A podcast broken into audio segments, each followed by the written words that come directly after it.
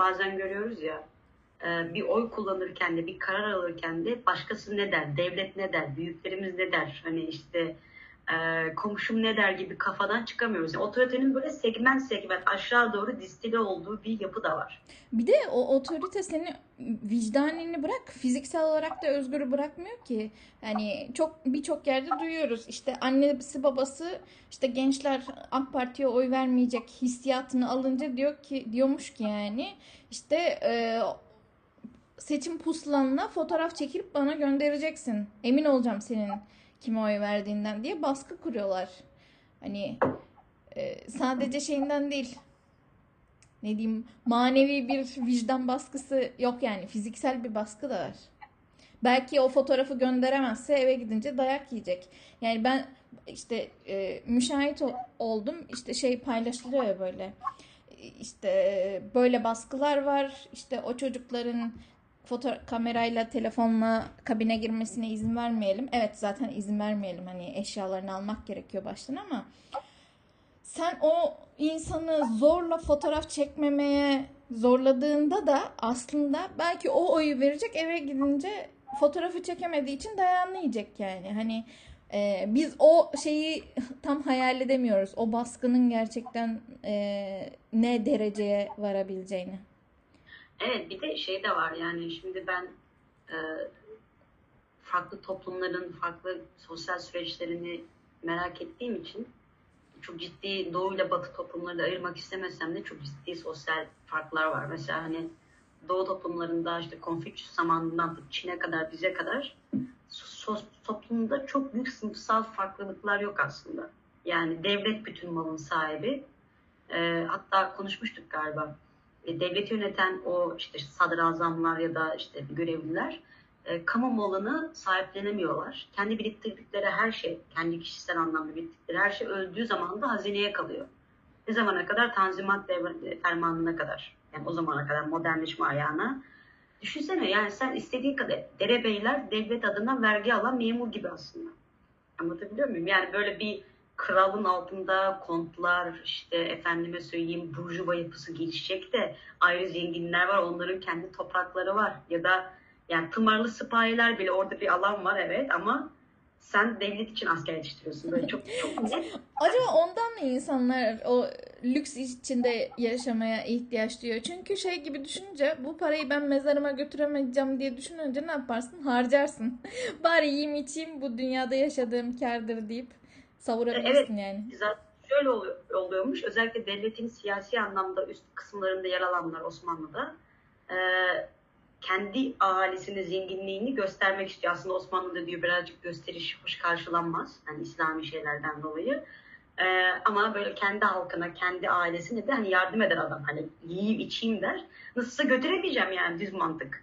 Zaten baştakilerin de şu an aynı mantıkla düşündüğünü düşünüyorum. Yani öbür dünyaya götüremeyeceğim anlamında. yiyor ama miras kalmıyor. O paranın hepsi tekrar e, Beytül Mal'a dönüyor. Tamam mı? Öldükten sonra. Ama bizimkiler ama, artık miras bırakıyor canım. E, bırakıyor ama eskiden Beytül Mal'a dönüyor. Şimdi miras bırakamayacaklar zaten muhtemelen. Onların hepsi e, dedem alacak hepsini diye umuyorum.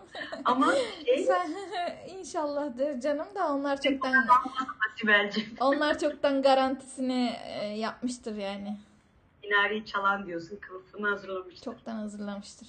Şimdi bu konseptte devlet her şeyin sahibi, toprağın sahibi, senin sahibin falan tamam mı? Çok başka bir yapı var. Bu yapı hala değişmedi aslında bizde mentalite olarak.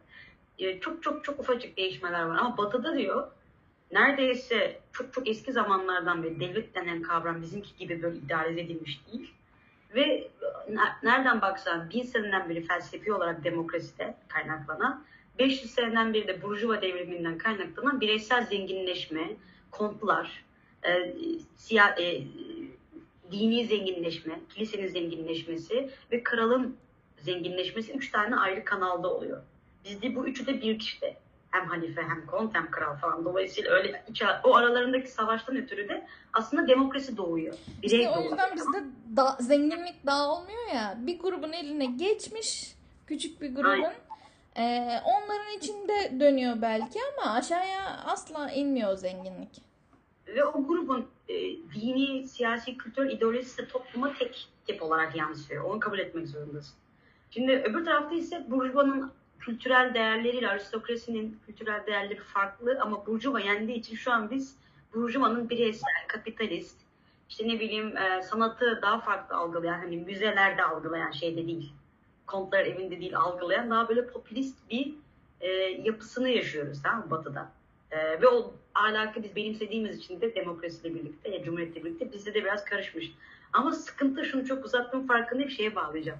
Sınıflar var hakikaten. Orta sınıf var, üst sınıf var, alt sınıf var, işçi sınıfı var, işte ne bileyim aristokrat sınıf var, burjuva sınıfı var ve bu sınıflar arasında birey kendisini çabalayarak oluşturmaya başlamış. Sorguluyor. Otorite, düşünsene dört tane otorite varsa sen şey demeye başlarsın. Ama Mikerler otoritesi benim otorite birey olarak demişler tamam mı burjuvalar. Bizde o kadar otorite yok yani. iki tane partiyi bile tahammül edemiyoruz. Yani ama tek parti olsun. Hani tek millet, tek bayrak, tek yürek, tek adam. Yani Tek yapma taşak. yani tek devlet olmadan da olabilir bir sürü o ülke içerisinde. Tek adam olmadan da olabilir ama o kafaya giremiyoruz. Sınıfsal yapımız yok. Şeyde bile yani e, neyse çok uzatmayayım sadece şey diyecektim. E, Osmanlı'nın bir son zamanlarında işte de, buna benzer dönemler olmuş. İşte ağlar oluşmaya başlamış. Burjuva ağları bizim şimdiki çeteler gibi. Beşli çeteler, onlu çeteler gibi. Bir de eskiden gelen derebeyleri var. Biraz aristokrat gibi düşün ama değil, zengin değil. Bu ikisi arasında sömürülen işçilerin hikayeleri olmuş. Hep böyle Yaşar Kemaller, işte Kemal Tahirler. Hani bunların böyle Çukurova'daki sömürü düzeni geliyor işte ya ağa seni sömürüyor ya şey hatta bir yerde şey vardı sana söylemek istedim. Ee, Yaşar Kemal'in İnce Mehmet kitabında galiba şöyle bir şey var. O güzel insanlar güzel atlara binip gittiler bilirsin. Çok meşhur bir cümle. Bu aslında ilginç bir şekilde e, Osmanlı son zamanlarında yörükleri e, Anadolu'da, Çukurova'da yerleşik hale getirmeye çabalıyor, zorluyor. Bu yörükler de değişik dinlerden, ırklardan insanlar. Tamam? Türkmenler de çok fazla var. Bunu da böyle yapmak istiyor ki hem biraz bu çeteleşmenin önüne geçsin hem de vergi alabilsin bunlardan. Çok ciddi bir şey var. Ve yörükler çok direniyorlar. Ya, çok çatışmalar oluyor, bilmem neler oluyor. Ve en sonunda bunları zorla böyle e, Çukurova'da özellikle Mersin, Çukurova, Adana taraflarını yerleştiriyorlar. Sizin, sizin, sizinkiler, Bizimkiler. sizinkiler hikayesini çok iyi bilir. Ee, ama bu insanlar oradaki e, şehir hayatını sevmiyorlar. Şehir hayatındaki baskıya dayanmak istemiyorlar. Kasaba hayatları onlara devlet baskısı iyi gelmiyor. Ve imkanı olanlar atlarına binip aslında daha çıkıyorlar tekrar. Ama böyle e, eşkıya gibi daha değil. Yani o no- eski nomadik, eski o yörük hayatına dönüyor. Ve o ince şey ince Mehmet'in içerisinde işte diyor o güzel insanlar güzel atlara binip gittiler olayı yurt dışına göçen insanlar için değil devletin zorla ülkeyi yerleştirmeye çabaladığı, şehri yerleştirmeye çabaladığı yörüklerin tekrar dağa dönüp o doğayla iç içe hayatını yaşamak istemesinden. Yani o ağalık düzenine girmek istememesinden. Bu arada çıkıyor. ben kitap okumadığım için, Yaşar Kemal okumadığım için bilmiyordum. Ee, Mersem o bizmişiz. Benmişim o orada bahsi geçen. Evet evet aynen yani. Bu çok, arada hani e, enteresandır. Enteresan da değil de aslında gayet doğal. Hani sonuçta benim ailem de bir, hem yörük hem köylü karışık. Ama iki tarafı da özünde yörük. Ee, ama yerleşik hayata geçen bile tam geçmiyor aslında. Hani bizim orada hep şeydir. Yazın e, pardon kışın sahil tarafında geçirilir. Ee, bir, bir tık daha kıyılara yakın daha ılıman yerlerde takılırlar. Daha sonra havalar ısınmaya başlar başlamaz göç edilir. Yaylalara çıkılır. Yaylada kalınır. İşte havalar soğuyana artık üşüyene kadar. Üşüyünce dağdan tekrar şeye inilir ki bu bize kadar hala böyle. Hala aynı kültür var. Ha şimdi çadırlarda kalmıyor çoğu. Şeyde kalıyor işte. Orada yazlık evi var, yayla evi var. Oraya gidiyor geliyor ama hala aynı kültür devam. Ki çadırda kalan da hala çok.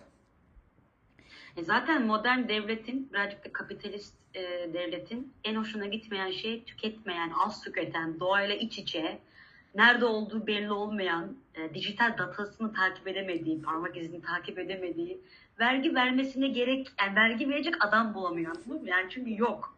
E, evi yok, bilmem nesi yok. İnsanları hiç sevmiyor. Çünkü bütün temel yapısı bunun üzerine kurulu. Yani modern devletin. E, zaten Osmanlı'nın da bu 1800 yılların sonunda yörükleri zorlaması da aslında yavaş yavaş tanzimatla birlikte o devleti kurmaya çabalıyor, vergi toplamaya çabalıyor, toplayamıyor artık eskisi gibi, savaşlar artıyor. Yani yörüklerin, garibanların koynuna kuzusuna göz dikmiş yani devlet. Anlatabiliyor muyum? O yüzden şey, e, şimdi de uyum, yani abi o kadar kolay bir şey değil. Üstelik bence şehir hayatı e, alıştığımız için tek çözüm gibi geliyor. E, arada da kalmış, arafta kalmış bir toplumuz yani bizim yaş aralığımız. 18-20 yaş aralığı. Ama şey yani e, annem babamlar için daha da e, aradaki fark net. Yani aslında doğada ne kadar mutlu oldukları, e, şehirde ne kadar gergin ve stresli oldukları. Biz mesela ben herhalde çok zor yaparım çünkü ben şehir çocuğuyum. Hani şeyi yapabileceğimi zannetmiyorum. Öyle gideyim 6 ay kalayım bundan ziyade yani orada kalmak için giderim. Şimdi sinirimi bozar benim. Düşünsene güzel bir yemek yiyeceksin. Neden sürekli yemek varken kaçamakmış gibi yiyeyim. Mesela hani şimdi gidiyoruz bazen hafta sonu burada kaçamak bir yerlere. Evet işte doğa, çiçek, böcek çok tatlı. Ee, hani 6 ay burada kalayım. E, ondan sonra döneceğim e, Wi-Fi arayacağım. Oradan ne bileyim server'a bağlanacağım. Hani böyle bir hayat istemezsin ki. Yani çok e, şey gibi bir şey bu. Yani mutsuzsan boşan arkadaş. Anladın mı? Metrese takılmaya benzeyen bir şey. Kimseyi üzmeyelim. Bilmiyorum ya ben e, döngü halinde olması benim için sıkıntı olmaz herhalde. Hatta ben tam tersi arası ara yerler var böyle. Bu da benim gelecek hayallerimdendir. E, ev fiyatları artınca e, daha da geleceğe itelendi ama böyle daha yayla gibi bir yerde yaşayıp ama gerçekten hani Wi-Fi ile şu suyla bu suyla yaylalarda da çok şükür internetimiz çekiyor. Yaşasın. Yaşasın Turkcell İnternet çekince oralarda komple yaşayabilirsin aslında ama şey de okey. İki evin olsa da ikisinde de gidip gelsen güzel olur. Tabii iki evin parasını şu an bir evin parasını denkleştiremezken iki ev biraz hayal ama. Ya işte bunlar hep tamamen duygusal olaylar. Evet. Şimdi benim param var bir tane şehrin merkezinde bir tane de işte burada maç ediyorlar. Şehrin dışında köy evleri var da ben de gitmiyorum. Yani hatta böyle işte düşün rüyamda bence motosiklet görüyorum. Gör şöyle güzel bir araba gör, güzel bir evler gör yani. Hala rüyamda senin evini ziyarete gelmeye çabalıyorum. Yani Tuğba'yı da al madem rüyamdasın güzel bir yerlere götür kızı. Rüyanda bile dağ başında yaşıyorum zaten. rüyanda bile dağ başında yaşıyorsun rüyamda bile şeyim yani. Tam böyle ben motosikleti bulamıyorum seni eve getirecek falan. Böyle bir Google Maps'te kaybolmuş durumda. Neyse yani velhasıl şeyi bağlayacaktım olayı. Ee, o kadar büyük bir devlet baskısı altındayız ki biz yüzyıllardır e, ve demokrasiyle de sadece kitaplardan okuduğumuz bir şey. Öz, özümseyemedik yani. Hala biz de özümseyemedik. Evet, yani e, parti Bir de hazır geldi bence. Bazı şeyler bize çok hazır gelince kıymetini bilmemek de var. İnsanların Evet, böyle işte Avrupalı'nın, Amerikalı'nın işte kan dökerek, savaşarak, ne bileyim birbirlerini kırarak işte hak mücadelesiyle sahip olduğu bazı özgürlüklere, haklara biz bazılarına bedavadan konunca kıymeti olmuyor. Ee, bir de şey alışkanlığı olmuyor. Onu e, mücadele ederek, savunarak kazanma, zorluklar sonrasında bir şey kazanma alışkanlığımız olmuyor. Hep bize hazır Al. Yani hem, bir de şey ekleyeceğim sana yani aslında Cumhuriyet ülkeye seçme e, özgürlüğüne ama aynı zamanda da zorunluluğunu getirdi. Önceden hiçbir şeyi seçmek zorunda olmayan halk padişahım bana ne verirse çay atarsa çay atar, 200 lira verirse 200 lira verir. Razı olan halk şimdi oturup e, kendi seçimlerinin sonuçlarına katlanmak zorunda kaldığı bir sisteme ikna edilmeye çabaladı. Evet. Bir de şeyi düşünüyorum hani e, biz Kurtuluş Savaşı'na evet bir Kurtuluş Savaşı verdik, çok mücadele ettik vesaire tamam. Ama oradaki mücadelemiz de aslında yine yabancılara karşıydı. Dış mihraklara karşıydı verdiğimiz mücadele. İşte özgürlük mücadelesi, di, vatanın elden gitmesi, dinin elden gitmesi şu bu. E, verdiğimiz mücadele bir ne bileyim cumhuriyet mücadelesi, aman demokrasi mücadelesi, ya biz sultanlıktan bıktık da dur bir keşke oy versek mücadelesi değildi yani. O şey oldu hani aa bu da geldi. Bu da ona Ya ekstra geldi şey gibi oldu. Yani o mücadeleyi veren çok insanlar ne diyeyim Kazım Karabekir falan gibi bunlar zaten Osmanlı'nın devam etmesini istiyorlardı. Ama yani Atatürk o kadar başarılı oldu ki ister istemez e, halk da onun peşinden gitti. Yani şu an nasıl e, şimdi anlamakta çok zorlanıyoruz. Yani senin ülkeni kurtaran bir adam ne derse doğrudur moduna giriyorsun. Zaten çok sıkıntılı durumdasın. E, Atatürk de bunu tabii ister istemez elindeki fırsatı değerlendirerekten halka ikna etti. Ee, ama iknayı demokratik yollarla ikna etmedi. Yani 2018 seçen senesinde Erdoğan'ın referandum e, yapması demokratik bir yol. Beğenelim de beğenmeyelim. Halka oylattırdı yani düşüncesini. Öbürü direkt hop beyler yarın cumhuriyeti ilan ediyoruz. Yalnız tam linçlenmelik linçlenmelik konuşmuyor muyuz? şey Hayır ama ben şey işte, Ee, yani- Allah'tan dinleyicimiz az yani. E, aynen öyle. Neyse şey e, ben mesela şeyi okurken neden Anadolu halkı e, demokrasiye karşı çıktı, cumhuriyete karşı çıktı uzunca bir süre. Karşı çıktığından kastım bunu getiren partiye mesafeli durduğunun sebeplerinden bir tanesi işte bu ilk kurulduğu zaman e, aslında sınıfsal yapısı olmayan bir devlet yapısını yani işte padişah var ve halk var araya bir ağlar sokmaya başlaması. Yani nasıl söyleyeyim onu? Aslında Cumhuriyet'in ilk senesinde kapitalizmi açıyor ya sistemi, liberalleşiyor, işte bir sürü yatırım planı yapıyor ve devlet eliyle resmi anlamda zenginleşen ilk burjuva sınıfının oluşturulmaya başlanması ve burjuva sınıfının da Anadolu'daki insanları aslında sömürmemeye başlaması. Tarımsal anlamdaki devrim süreçlerinde falan filan. Yani aslında şey çok ve bu olayın halk reddettikçe baskıcı bir şekilde bastırılmaya çabalanması.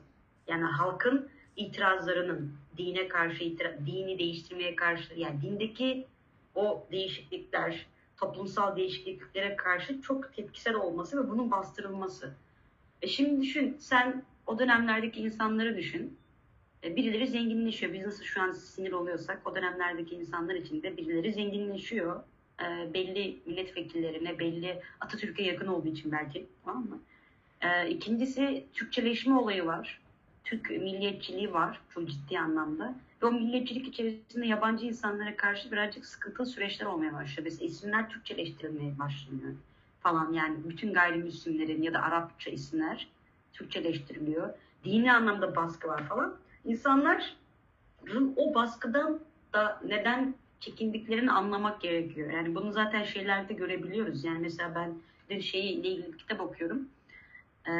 Kurt oyunu galiba Kemal Dair'in. Orada Mustafa Kemal'e 1924'te galiba bir suikast yapılacak.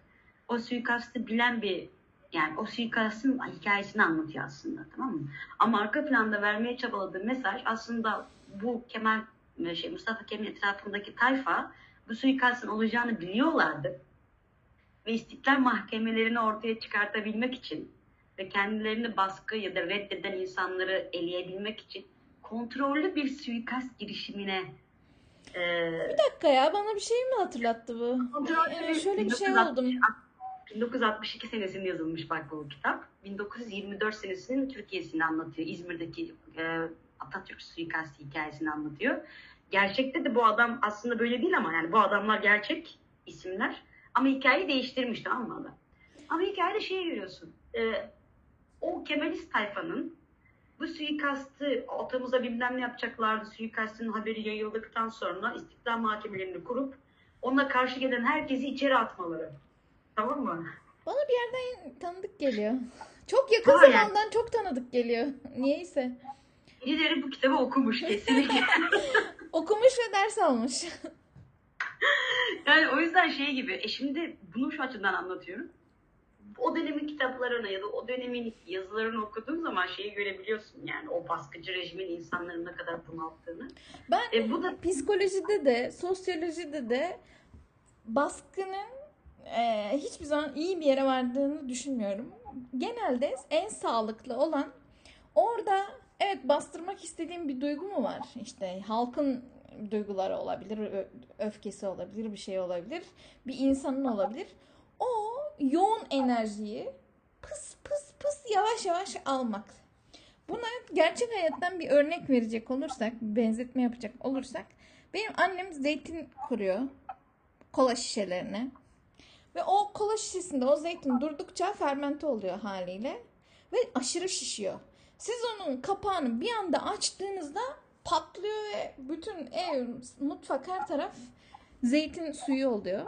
Ama siz onun ya, kapağını böyle tıs, hafif hafif, yavaş yavaş, yavaş yavaş, az az açtığınızda hiç kimse zarar görmeden o gazı alabiliyorsunuz. Gaz almak terimi de buradan geliyor olabilir. Gazını almak evet. Um, o yüzden şey önemli ya bence. Yani bizim demokrasi hikayemizde ve biz de o kültürün içerisinde büyüdük. Ee, devlet içerisinde özgürce gelişen e, laik, liberal, işte ne bileyim seküler falan e, insanların kültürü değiliz. Ona rağmen e, Türkiye'den gurur duyuyorum. Yani böyle bir kültürde olmasına rağmen yani tarihsel anlamdaki sosyolojik ve siyasi tarihine baktığım zaman garip bir şekilde de halk kendisine oy verilme hakkını yani kendisinin oy kullanma hakkını sevmiş. Evet Yani evet. Bence çok güzel şey olmuş. Şey gibi e, bir insana atıyorum senin evinde çok mutlusun. Evinde mutlusun şu an değil mi? Şu anki evinde. Ama seni zorla evinden çıkarsam Barcelona'da böyle deniz kenarına da manzarası şahane. İşte o evin iki katı yeni güzel bir daireye zorla çıkarsam. Önce biz taşınırken söylenirsin. Ya benim burada düzenim vardı. Benim evimin yeri güzeldi falan diye. Ama sonra or biraz alıştıktan sonra ya burası da fena değilmiş ya. Burada iyiymiş. Hatta seni o evden çıkarmaya çalıştıklarında artık şey olursun. Ne demek burası benim evim. Ben buradan çıkmam demeye başlarsın yani. Sahipleniyorsun yani. İnsan alışıyor. E, düşünsene sen e, halka hiç söz vermemişsin yani e, öyle ya da böyle e, Yunanistan'dan başlayarak birçok yerde demokrasi deneyimleri kendi içerisinde halktan sıradan insan tabii ki değil, biliyorum e, Yunanistan'da da ama işte Fransa'da 1700 yıllarda öyle da böyle halk cumhuriyet gelsin bilmem ne gelsin uğraşırken biz daha bunu yeni almışız. Mesela dikkat ediyorum ben işte bazı siyasi görüşmeler, toplantılar ya da işte gazetecilerle konuşmalarda işte halk e, oy oyunu korur yani anladın mı? Öyle hani içine gelmeyen öyle işte şey diyorlar mesela. İşte Er- Erdoğan bırakmazsan olacak. Yok işte bugün dedik ki 15 Temmuz'da dışarı çıktık yine çıkarız falan. Öyle olmuyor işte. O halk 15 yani 15 Temmuz'da devletin yıkılmasını koruduysa atıyorum 14 Mayıs'ta da Cumhuriyet'in yıkılmasını koruyor.